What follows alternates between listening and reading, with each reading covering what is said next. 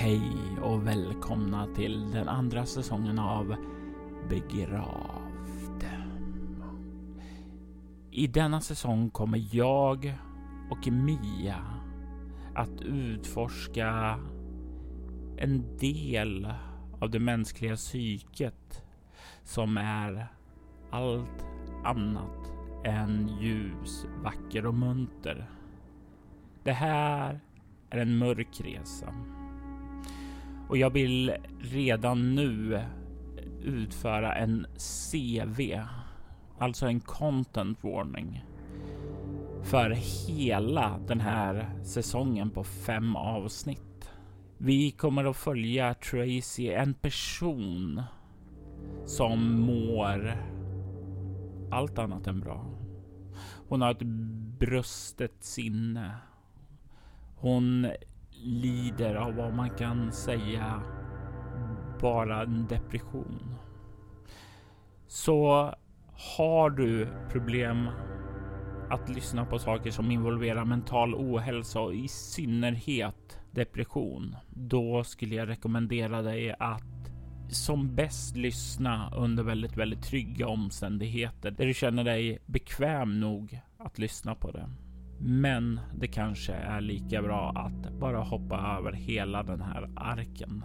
För det här är en mörk resa. En mörk resa in i Tracys nedbrutna sinne. Välkommen till den andra säsongen av Begravd. Välkommen till soloäventyret. Mitt namn är Mia Gibson och jag tar rollen som Tracy Lockwood. För några veckor sedan grävde jag mig ur min egen grav. Min gamla arbetsgivare hade kasserat mig där efter att jag misslyckats infiltrera hans dotters liv. Det finns ingenting kvar för mig i San Sebastian längre, så jag har lämnat staden. Jag har sedan dess följt andra minnen som legat djupt begravda hos mig. Minnen om en lycklig barndom. Välkommen till Begravd. Hösten har svept in över delstaten Colorado.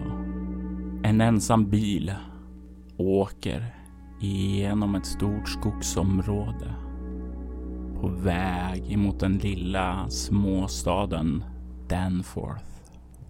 Föraren i bilen har rest långt. Under ett par veckors tid har hon tagit sig ifrån Florida upp till de norra delarna av USA. Det har varit en lång biltur och inte alltid raka vägen. Men det är kanske inte så konstigt när föraren inte haft en tydlig vägkarta att följa annat än instinkten som lockar henne tillbaka till lyckliga barndomsminnen. En känsla var hon är på väg. Det var inte förrän nyligen hon började inse var hon var på väg. Staden Danforth. Ett namn på en stad, men även på ett alias. Lilith Danforth. Det namn som tillhörde Megan Matthews. En kvinna som Tracy vaknade upp med minnen ifrån. Minnen som känns mer behagliga än de kalla minnena från hennes uppdrag. Hennes källare med tortyrverkskap. Det här kommer förhoppningsvis leda till något varmare, något bättre, något mer hälsosamt. Det har varit en lång färd Tracy. Eh, och eh, du börjar närma dig nu Danforth. Men jag tänkte under den här resans gång så har du ju stannat på en del mindre motell, stannat, sovit över, haft tid att kolla upp och undersöka saker som fortfarande virvlar omkring i ditt sinne. Är det något särskilt du vill ha kollat upp under tiden som har gått? Ja, min största fråga som eh, har följt mig hela tiden är ju egentligen varför lever jag? Jag har väl kanske försökt eh, googla sådana ämnen men eh, jag vet inte vad jag kan ha kommit fram till för Eh, försvar. Det finns ju mycket i populärkulturen om att återuppstå från de döda. Verkligen. Och återigen, du har inte slagit något ockultismslag tidigare. Mm. Och du har här två olika typer av minnen att dra kunskap ifrån. Du har den kyliga informationssökande Tracy. Eller så har du den här Lilith eller Megan som hon egentligen hette. Att söka svar på de här frågorna efter. Mm. Jag tror att jag under eh, resans gång här har eh, bekantat mig med de här personligheterna lite närmare. Det har varit lite som att ha en, eh, en ängel och en djävul som sitter på axeln och viskar och bråkar sinsemellan. Men jag tror jag har fått en känsla för dem och jag tror att Tracy kanske är den som trots allt är den som är bra på att eh, få fram information. Att det är den personligheten jag konsulterar. I så fall kan du notera att du har en okultism på fyra. Mm.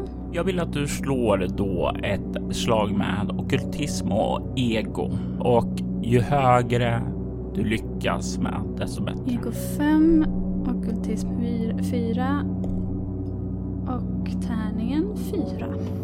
13. Som du sa, det finns ju väldigt mycket i populärkulturen mm, som skvallrar om det som kommer tillbaka. Du hittar ju mycket om zombier, men det är oftast, väldigt ofta utan eh, någon typ av intelligens.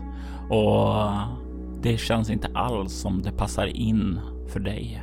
Det finns även tal om kroppar som har väckts till liv av eh, mörka nekromantiska krafter. Men det känns inte som det passar in heller. Du har även hittat lite spår som kanske mer börjar komma in på det som kanske kan passa. Om vålnader som besätter döda kroppar och därmed börjar röra sig igen i det levandes värld. Det skulle kanske kunna vara någonting som gjort att du lever igen. Det finns även en annan gren och särskilt om man kollar mer mot eh, de ja, filosofier och livsåskådningar borta i Asien och sådant. Det talas om reinkarnation. De dödas själar vandrar i ett evigt kretslopp innan de når fram till nirvana. Du kan hitta en del obskyra texter som indikerar att ibland så kommer en själ tillbaka. Inte helt nollställd utan med minnen. Och ibland så kommer de där minnena inte bara in i en nyfödd kropp. Ibland så slår de ned sig som ett frö och gror ut i en redan existerande kropp också. Så med ditt slag på 13 så är väl de två sista det som känns mest logiskt. Men du hittar inga starka bevis på att det skulle vara något av dem. Nej, jag eh, tänker att eh, det här låter ju inte helt främmande om det är så att eh, min och eh, Liliths, eh, våra själar på något sätt har bytt kropp och eh, ja, universum blivit förvirrat eh, och eh, ja, bara att det hänger ihop med kroppsbytet liksom, att jag, eh, att jag fortfarande lever. Så ja, jag får väl helt enkelt bara finna mig i det här. Den här världen är mycket konstigare än vad jag har vad jag trodde. Eller det verkar som att de här personligheterna som bor i mig, de här personerna som bor i mig, att de, de har koll på den här världen. Men sen har jag också funderat på det här eh, sällskapet. Eh, som jag har varit beblandad med tydligen. Det Umbris Idearum. Kan jag hitta något om dem? Jag tänker att du kan förslå ett lätt slag med ego samhällsvetenskap. Och här så står du återigen ifrån valet vem du ska dra dig ifrån. Du kan dra det antingen ifrån eh, Tracy, den här informationssamlaren som vet hur man ska röra sig ifrån i det här samhället. Eller så kan du dra det från Lilith. Eller så kan du dra det från Megan som verkade vara utslagen eh, och inte riktigt passa in i det, men som var medlem där. Mm. De verkar ju som sagt alla, alla, alla mina personligheter verkar vara kopplade till eh, det här sällskapet. Så vem kan vara då mest lämplig?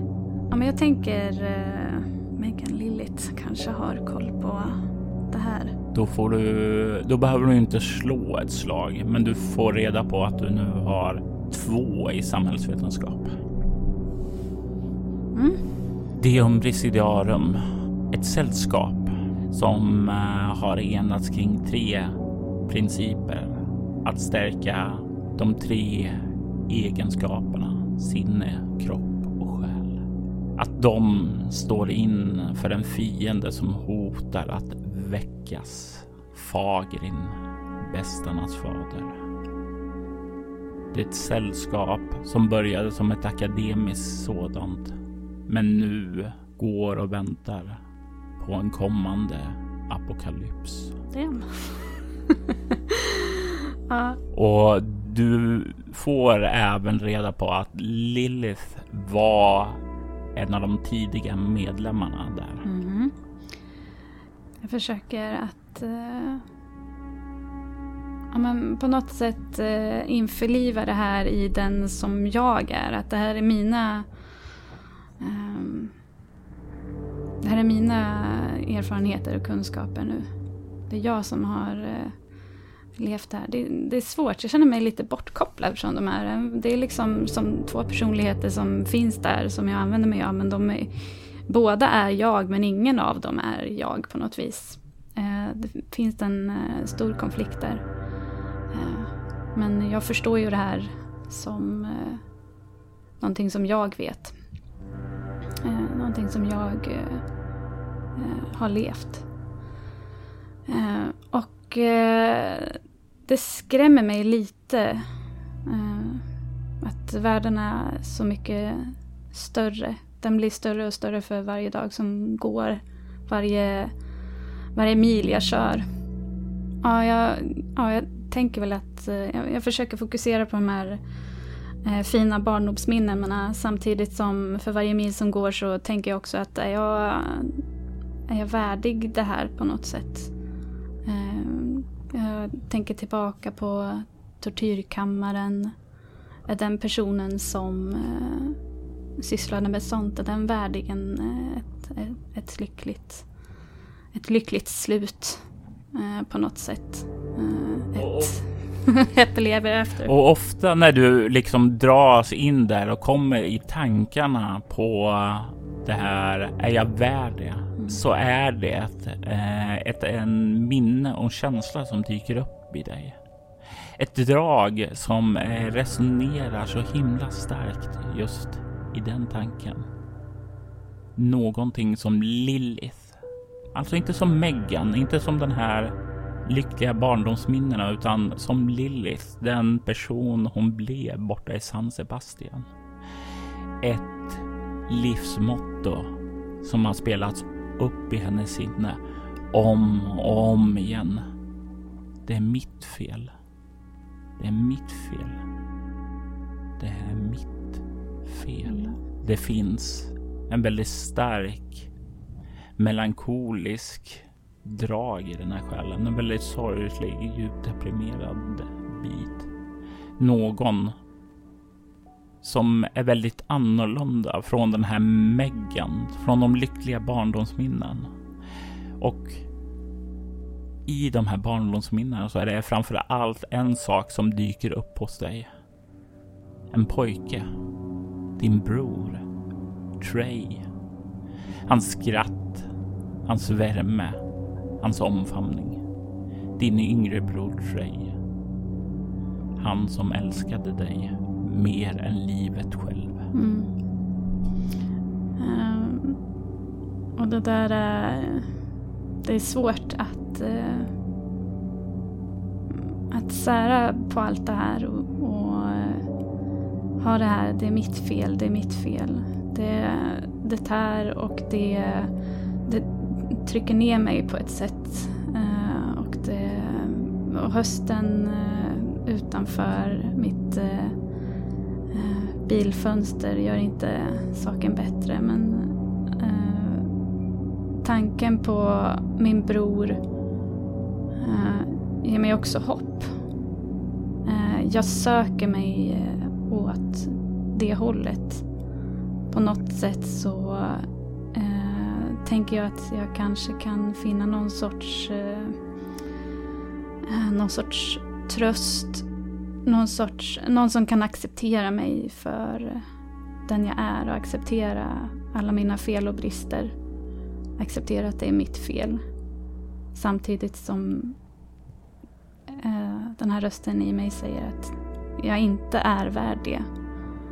Det är tungt men eh, det är någonting i mig som bara drar mig framåt. Och, eh, jag kan inte göra annat än att bara, bara köra och följa den här känslan. Jag tänker mig att du kan få slå ett omskakande skräckslag med utstrålning för att se hur mycket det har tärt på dig. Mm. Eh, sex och fem. Elva. Det är ett lyckat slag. Mm. Det finns ju där, men det är inte så att det driver dig galen på något sätt. Du startar den här berättelsen med noll skräcknivåer. Du kan stryka dem från de förra. Så. Och under den här resan så har du lagt märke till en annan detalj. En annan detalj än vad som du trodde. När du ser dig själv i spegeln så ser du nu nästan alltid den här blonda, oskuldsfulla kvinnan. Hon med äppelkinder och en oskuldsfull aura. Men under resans gång så har du lagt märke till att andra verkar inte reagera på det. Och du har under den här resan också räknat ut att det andra ansiktet som skymtade förbi där i spegeln i början när du kom till den här rastplatsen. Den här gothkvinnan. Att det är den, den lila håriga kvinnan som de verkar se. Det verkar vara som om det är den kroppen som omvärlden ser dig i. Hur har Tracy tagit den insikten? Jag inser ju att jag inte har varit så inkognito som jag har trott. Eh, jag har tänkt mig att jag har haft ett väldigt oskyldigt utseende och att jag har kunnat gömma mig bakom det.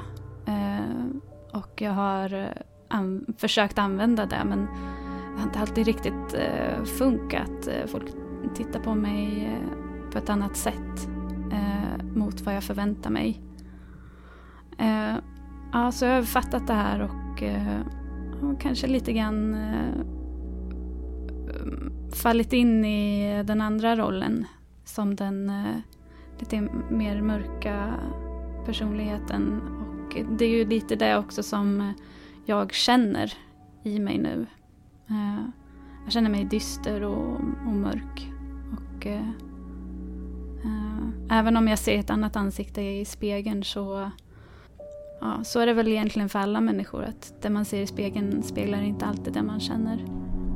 Så ja, det, är, det är förvirrande men jag försöker anpassa mig efter den här insikten liksom och, och för att det ska, inte ska bli konstigt på något vis.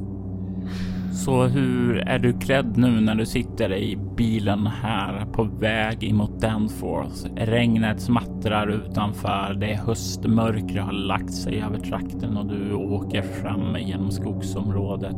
Jag eh, har eh, anpassat mig efter min kropp och eh, mitt ansikte och min sinnesstämning också. Jag har mörka kläder, svart det mesta. Det, det var, har varit ansträngande att försöka matcha färger och ja, bara, svart det funkar alltid och särskilt till den här läderjackan. Ja precis, min läderjacka som jag har behållit genom vått och torrt. Mest vått. uh, mm.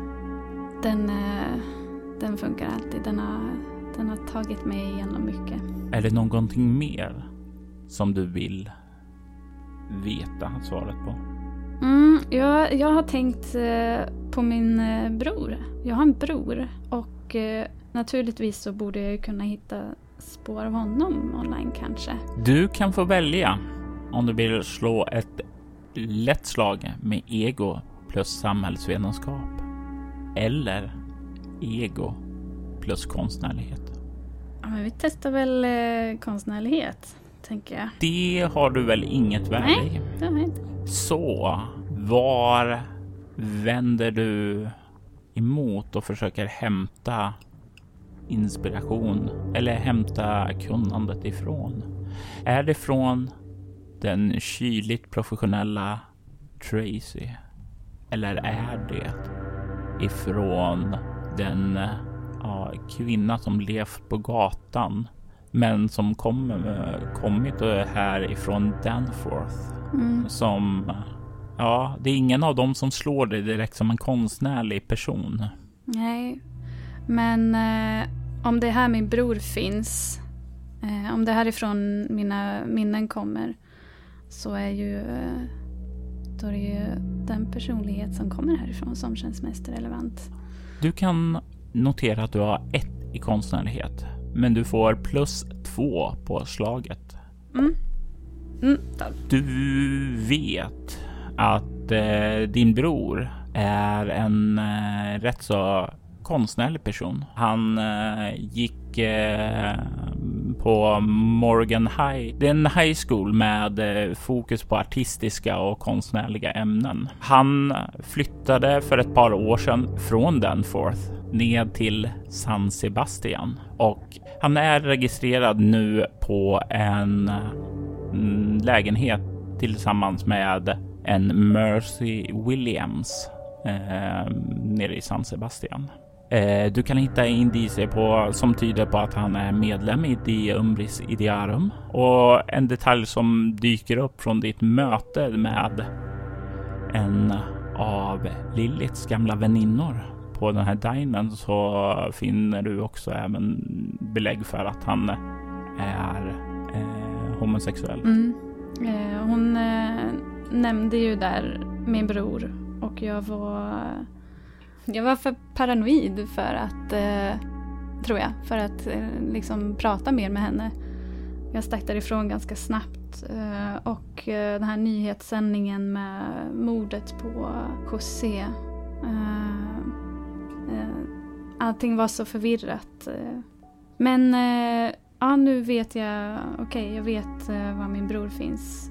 Han är Eh, där borta i San Sebastian som jag har lämnat bakom mig. Och om han tillhör det här sällskapet i Umbris Idiarum så eh, det är väl också en värld som jag känner att jag har lämnat bakom mig. Eh, så det känns, det känns okej. Okay. En tanke slog mig att jag kanske skulle vilja eh, träffa honom. Men jag kanske inte vill det längre. Ja, nu vet jag det om honom i alla fall. Bilen far framöver den blöta vägen och du kör genom en ganska mörk skog. Du har inte sett mycket biltrafik som mött dig utan det är en ganska ödslig väg som du åker längs med för att närma dig eh, staden Danforth. Eh, det är en ganska naturskön skog, men emellanåt så kommer ju de här flashbacksen tillbaka till då du grävde dig upp ur graven, hur du blev jagad av en björn, kall och våt, hur du sprang omkring där i skogen. Men nu sitter du, tack och lov, i en varm bil. Men hur känns det att åka längs den här ödsliga vägen? Uh, det känns ju inte jättebra. Uh, särskilt här i mörkret. Jag tror att jag jag tror jag trycker på eh, gasen omedvetet lite grann. Lite, eh, att jag kör lite snabbare än vad eh, hastighetsbegränsningen säger. Och hade man suttit med mig där i bilen så hade man sett att jag var uppenbart spänd och nervös. Jag försöker bara fokusera på det som ligger framför mig. Men eh, det är ändå så att du har full kontroll över bilen. Trots allt så har du ju fyra i fordon, vilket motsvarar ett faktiskt eh, yrkesmässigt kunnande. Du vet hur eh, bilens begränsningar är, så det är inga problem att ha koll på den. Du kör lite, lite för fort längs den här vägen. Och har du radion på eller är det tyst? Hur, hur är det i bilen just nu där inne hos dig? Eh, det har varit tyst, men jag tror jag sätter på radion nu för att eh, sätta, få tankarna på någonting annat. Ja, jag, jag, jag sätter på radion och höjer volymen lite. Och du eh, hör ju som sagt var eh, musik sådär och spelar och det ger lite mer eh, lugn känsla här i bilen då.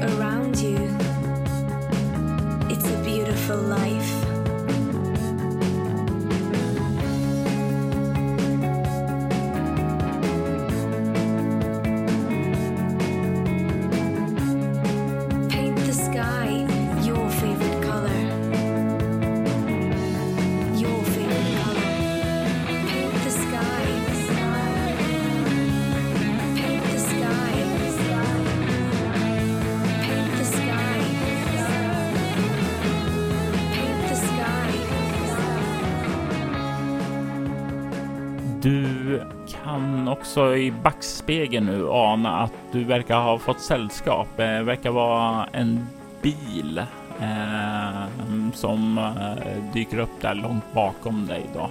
Men som verkar... Eh, jaha, du kan faktiskt slå ett lätt slag med ego plus fordon. Fem, fordon fyra och ett. Det är ju ett lyckat i alla fall. Mm. Du kan se att bilen verkar närma sig. Trots att du kör eh, över hastighetsbegränsningar så verkar eh, den närma sig dig. Vilket indikerar att den också gör det. Den kör snabbare än jag kanske till och med. Ja. Jag tänker att det skulle kunna vara en polis så jag saktar faktiskt ner lite grann. Och tänker att om jag, den kanske kan köra förbi mig om det inte är en polis så kan den bara köra om. Och den här bilen den börjar närma sig dig. Och den kommer snart liksom så den börjar komma upp så att du, ni kommer ut på samma raksträcka till och med. Och du kan se där hur den då börjar blinka med ljusen och lite så här snabbt blinkande mellan hel och halvljus då för att eh, fånga din uppmärksamhet. Jaha. Jaha, vad kan det här betyda då? Vill den att jag kör åt sidan? Om det hade varit en polis så hade den ju haft andra sätt att signalera det. Mm. Jag, jag, tittar liksom, är det någonting annat på vägen runt omkring som den försöker göra mig uppmärksam på? Jag tittar, har jag blinkersen på eller är det någonting liksom med mig som, som gör att den vill få min uppmärksamhet? Du lägger märke till att nej, det verkar inte vara så att du har glömt blinkersen på eller något sådant.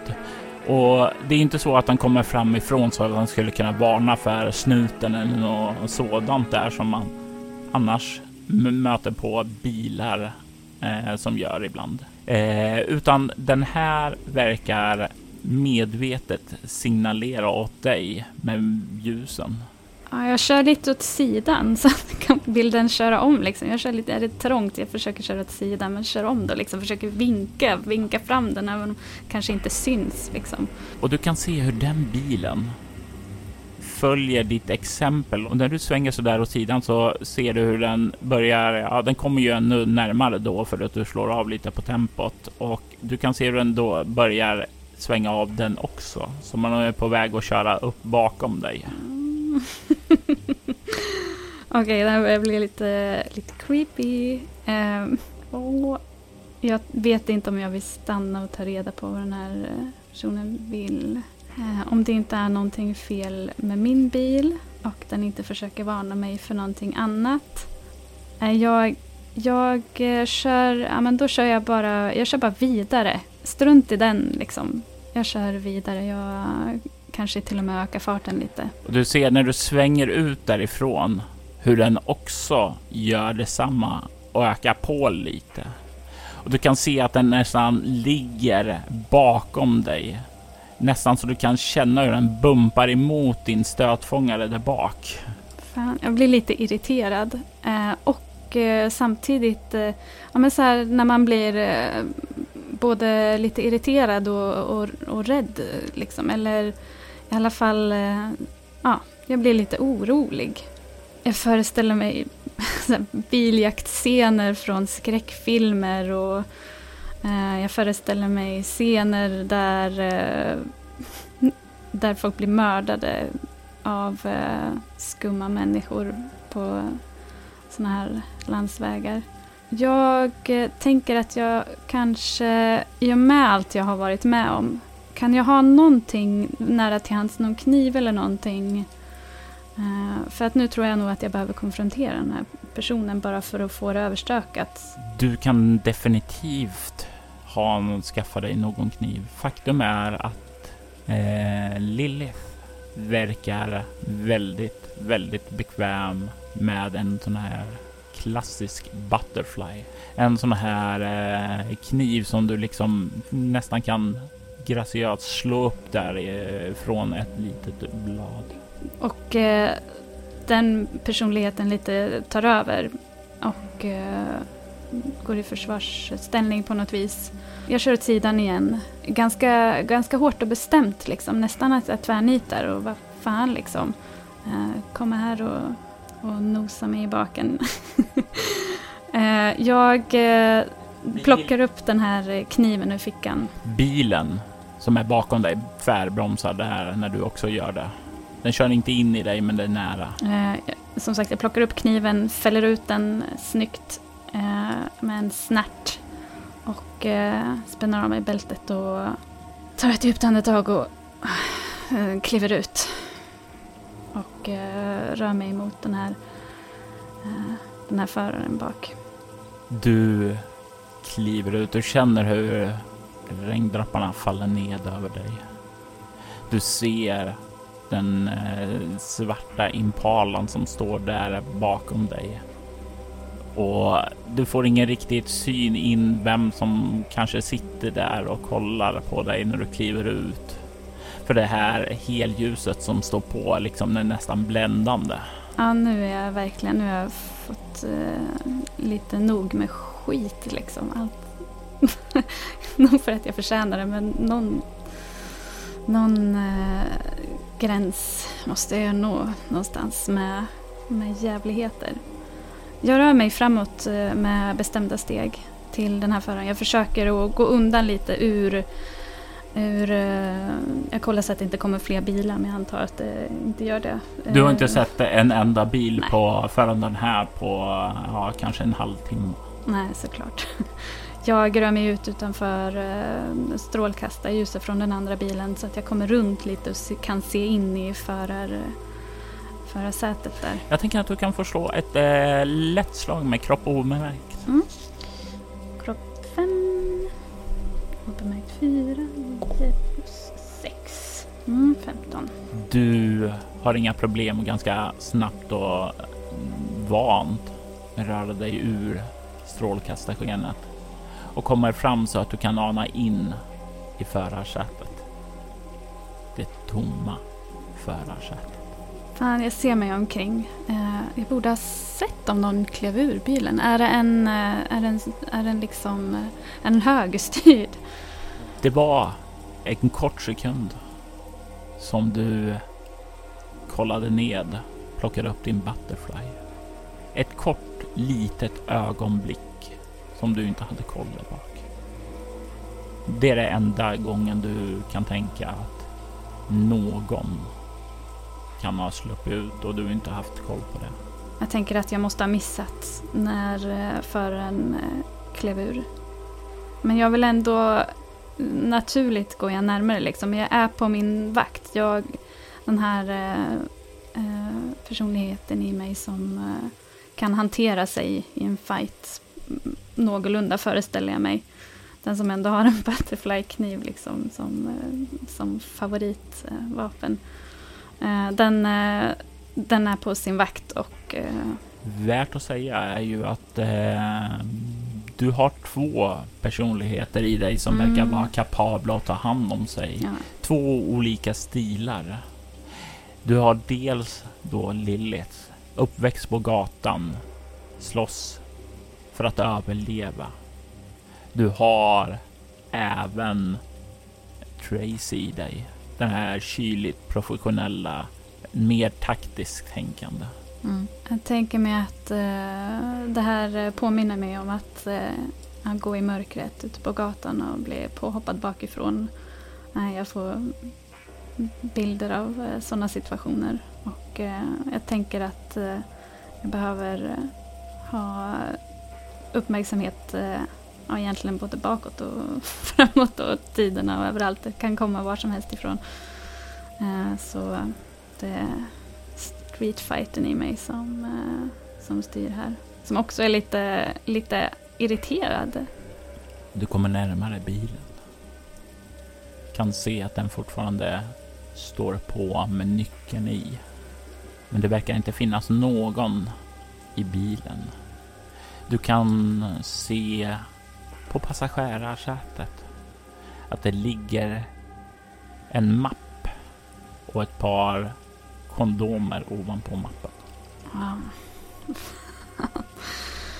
uh, jävligt creepy. Uh, jag tittar inte mer in i bilen. Jag ser mig omkring, uh, runt omkring, försöker kika ut i mörkret om det är någon som uh, gömmer sig där. Jag vill att du slår ett eh, kroppsstridsvana. Och, och är det den taktiska eller är det den eh, eller är det streetfighten som du lutar dig mot nu?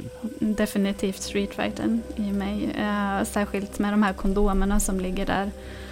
Eh, ja, det är någonting där som, eh, som eh, ekar i mig. Och det är något vagt minne om torskar som du har, eller inte du, eller är det du? Lilith i alla fall har varit med. Eh, I så fall kan du slå med eh, två i stridsvana och det är ett motståndslag här. Okej. Okay. Eh, jag fick fem på den. Fem, sju, ja tolv. Du kan inte se någon person, men du lägger märke till en sak. Din bil.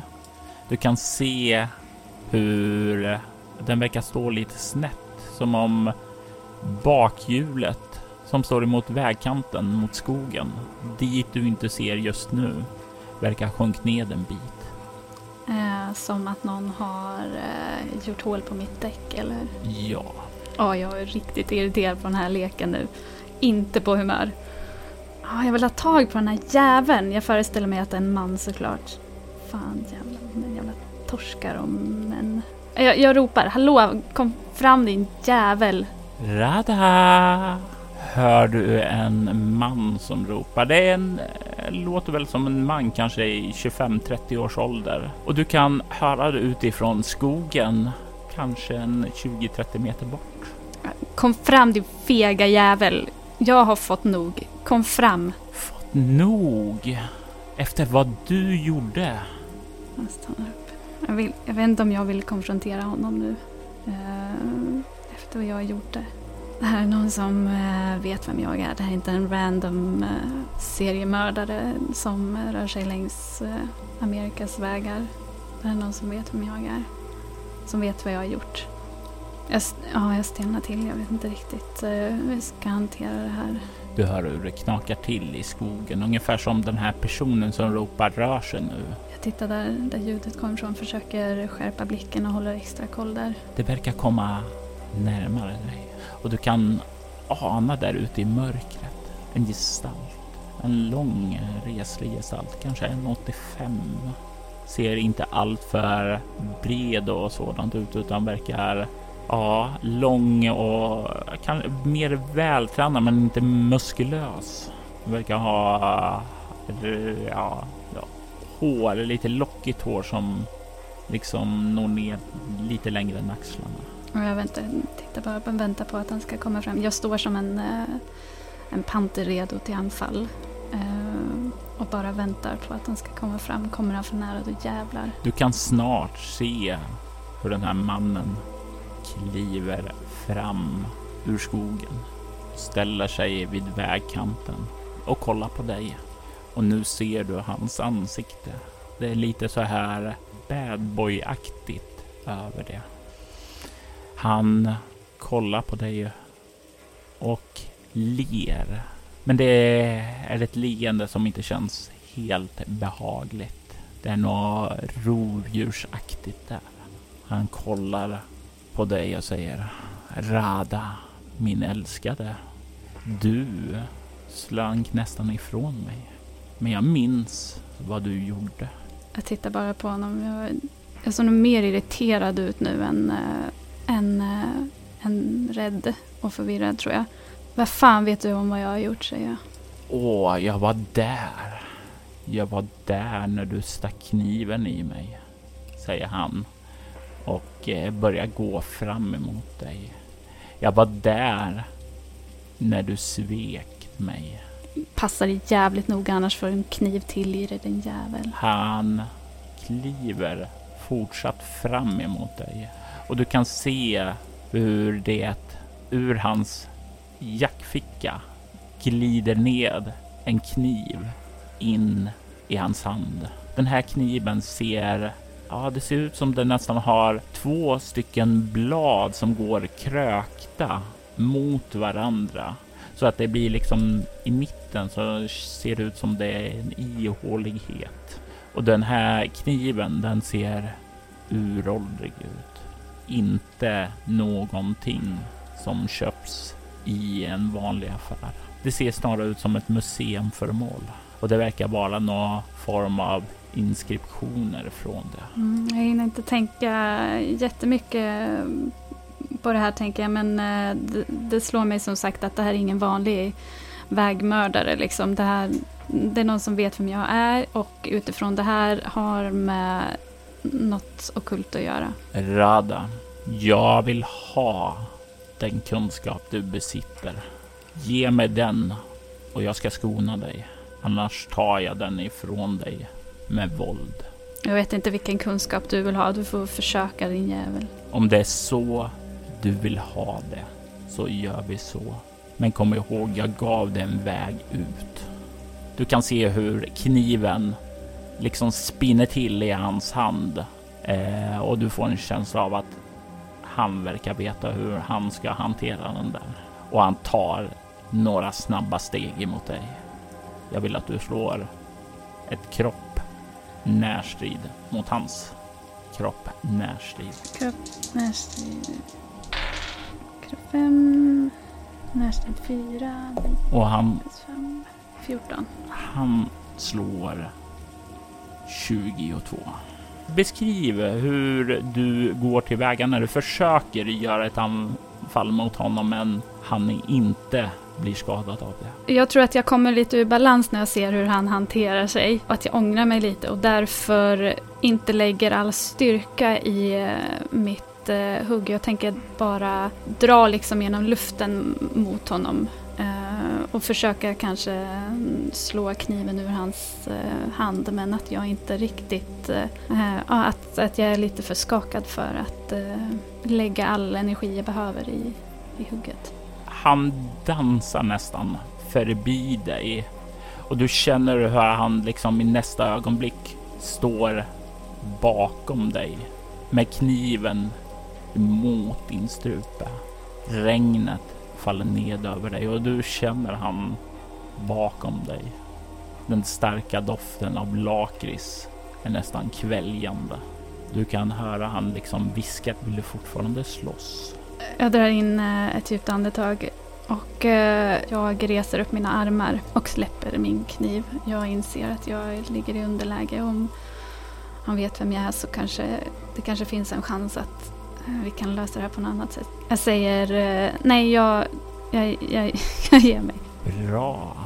Då kanske vi kan tala om det här som civiliserat folk och se till att vi båda går tillfredsställda ur det här. Jag kan tyvärr inte ge dig tillbaka din lilla leksak för han är trasig. Men jag kan ge dig ditt liv tillbaka trots vad du gjorde. Jag vet inte alls vad han pratar om nu men han, när han säger att han kan ge mig mitt liv tillbaka så stannar jag upp och eh, ja, jag blir stilla liksom. Han eh, verkar veta ännu mer saker om mig. Han nämner ett namn, Rada, som jag inte tidigare har eh, känt mig bekant med. Och det är ingenting som låter bekant när du började få eh, höra det här Lilith och sådant. Det dök ju upp naturligt och det kändes naturligt där. Men Rada känns inte alls bekant för dig. Nej, och jag tänker att det här med själar och allt det här konstiga som jag inte förstår. Um, om han vet mer om han nu kan ge mig mitt liv tillbaka som det en gång varit nu, hur det nu tedde sig, så jag får väl följa det här psykot då. Han tar och släpper greppet om dig och för sakta undan kniven ifrån din strupe och ger dig utrymme att röra dig. Ja, jag sliter mig ifrån honom lite irriterat, mest irriterad på mig själv att jag, att jag inte kunde eh, försvara mig här. Att jag på något sätt måste eh, göra det här på hans villkor. Ja, kallar du det där civiliserat säger jag smyga i skogen. Fan jävla... Det är i alla fall bättre än att sticka en kniv i ryggen i templet. Jag är ledsen, jag har ingen aning om vad du snackar om. Du får hjälpa mig lite här. Han lägger lite huvud på sned. Ah, du kom tillbaka skadad, Rada. Ödets ironi. Hur mycket död du har lämnat bakom dig. Ibland så kommer det ikapp dig. Absolut, jag kan ge dig minnena tillbaka. Det enda du behöver göra är att foga dig. Och sen så ser du han börjar gå fram emot sin bil. Mm, han, när han säger att jag kom tillbaka skadad så... Ja, det är ju så jag har känt mig. Ända sedan jag grävde mig ur den där graven egentligen. Skadad och splittrad. Och eh, även om den här mannens metoder är jävligt creepy. Ja, men allt, allt runt omkring mig nu är så jävla creepy så ja, varför inte jag... Ah, ah, jag suckar och bara... Ah, vad fan håller jag på med? Och sen följer jag honom. Han går till sin bil och, och sätter sig i förarsätet och stänger dörren efter sig och väntar på att du ska sätta dig i passagerarsätet. Jag går motvilligt eh, runt. Eh, jag tittar tillbaka på min egen bil och tänker att eh, jag, jag, har ju saker där som jag vill ha. Tänker jag kanske att min väska är där med mina få tillhörigheter. Jag försöker signalera till honom bara så här, ah, vänta jag ska bara hämta grejer om han kan acceptera det. Du kan se han eh, kollar på dig med en obehaglig blick som liksom särskådar dig och det känns som han ser rätt in i dina mest privata delar, de som du inte själv känner till att du har. Och han verkar inte irriterad över det, men han ger ingen sån här nick heller som om det är okej, okay, utan det är som om du stirrar in i en stenfasad. Jag blir lite skakad, men han gör, han gör ingenting. Jag, eh, ja, men jag går lugnt tillbaka till bilen och hämtar mina grejer och eh, ja, ja, går tillbaka till hans bil. Du kommer tillbaka då med dina grejer så kan du se hur han verkar ha tagit bort mappen och kondomerna där under tiden, städat upp lite där. Bortsett från en kondom som han har lagt på instrumentbrädan framför eh, passagerarsätet. Ja, jag ryser till. Det var ju vänligt av honom att ta bort det där men jag jag hade velat sätta mig i baksätet. Men eh, jag vet inte om jag är eh, i en position att eh, välja var jag får sitta. Mm. Så ja, men jag hoppar väl in där. Jag håller blicken på den där kondomen och eh, ryser till lite. Um, ja, jag, jag sätter mig bredvid honom. Ganska nedslagen på något sätt. Tracy slår sig ned i passagerarsätet samtidigt som dörren slår igen bakom henne. Hon vet inte det. Men hon har just satt sig i samma bil som den ökände Ripper, serievåldtäktsmördaren. Begravd avsnitt 1 Sent by the Devil var ett scenario skapat, spelet och redigerat av Robert Jonsson. Maria Gibson var spelare i detta avsnitt och gestaltade Tracy Lockwood, Megan Matthews, Lilith Danforth och Rada. Temamusiken till detta avsnitt gjordes av Jörgen Niemi från Källarspel. Övrig musik i detta avsnitt gjordes av en kollaboration av Apokryfos, Kammarheit och Atrium Carceri samt Hans Attom och Lisa Listry. Apokryfos, Kammarheit, Atrium Carceri och Lisa Listwi är band som tillhör bolaget Cryo Chamber. Vill du ha stämningsfull ambient musik vid dina spelmöten rekommenderas de varmt. Du hittar dem via länkarna på Bortom-bloggen. Soloäventyret är en actual play podcast där vi spelar rollspelen Bortom och Leviathan. Ni kan komma i kontakt med oss via mail på info.bortom.nu. Det går även att följa oss på Instagram och Twitter på @spelabortom som Soloäventyr och Bortom på Facebook samt på bortom.nu. Tack för att ni har lyssnat.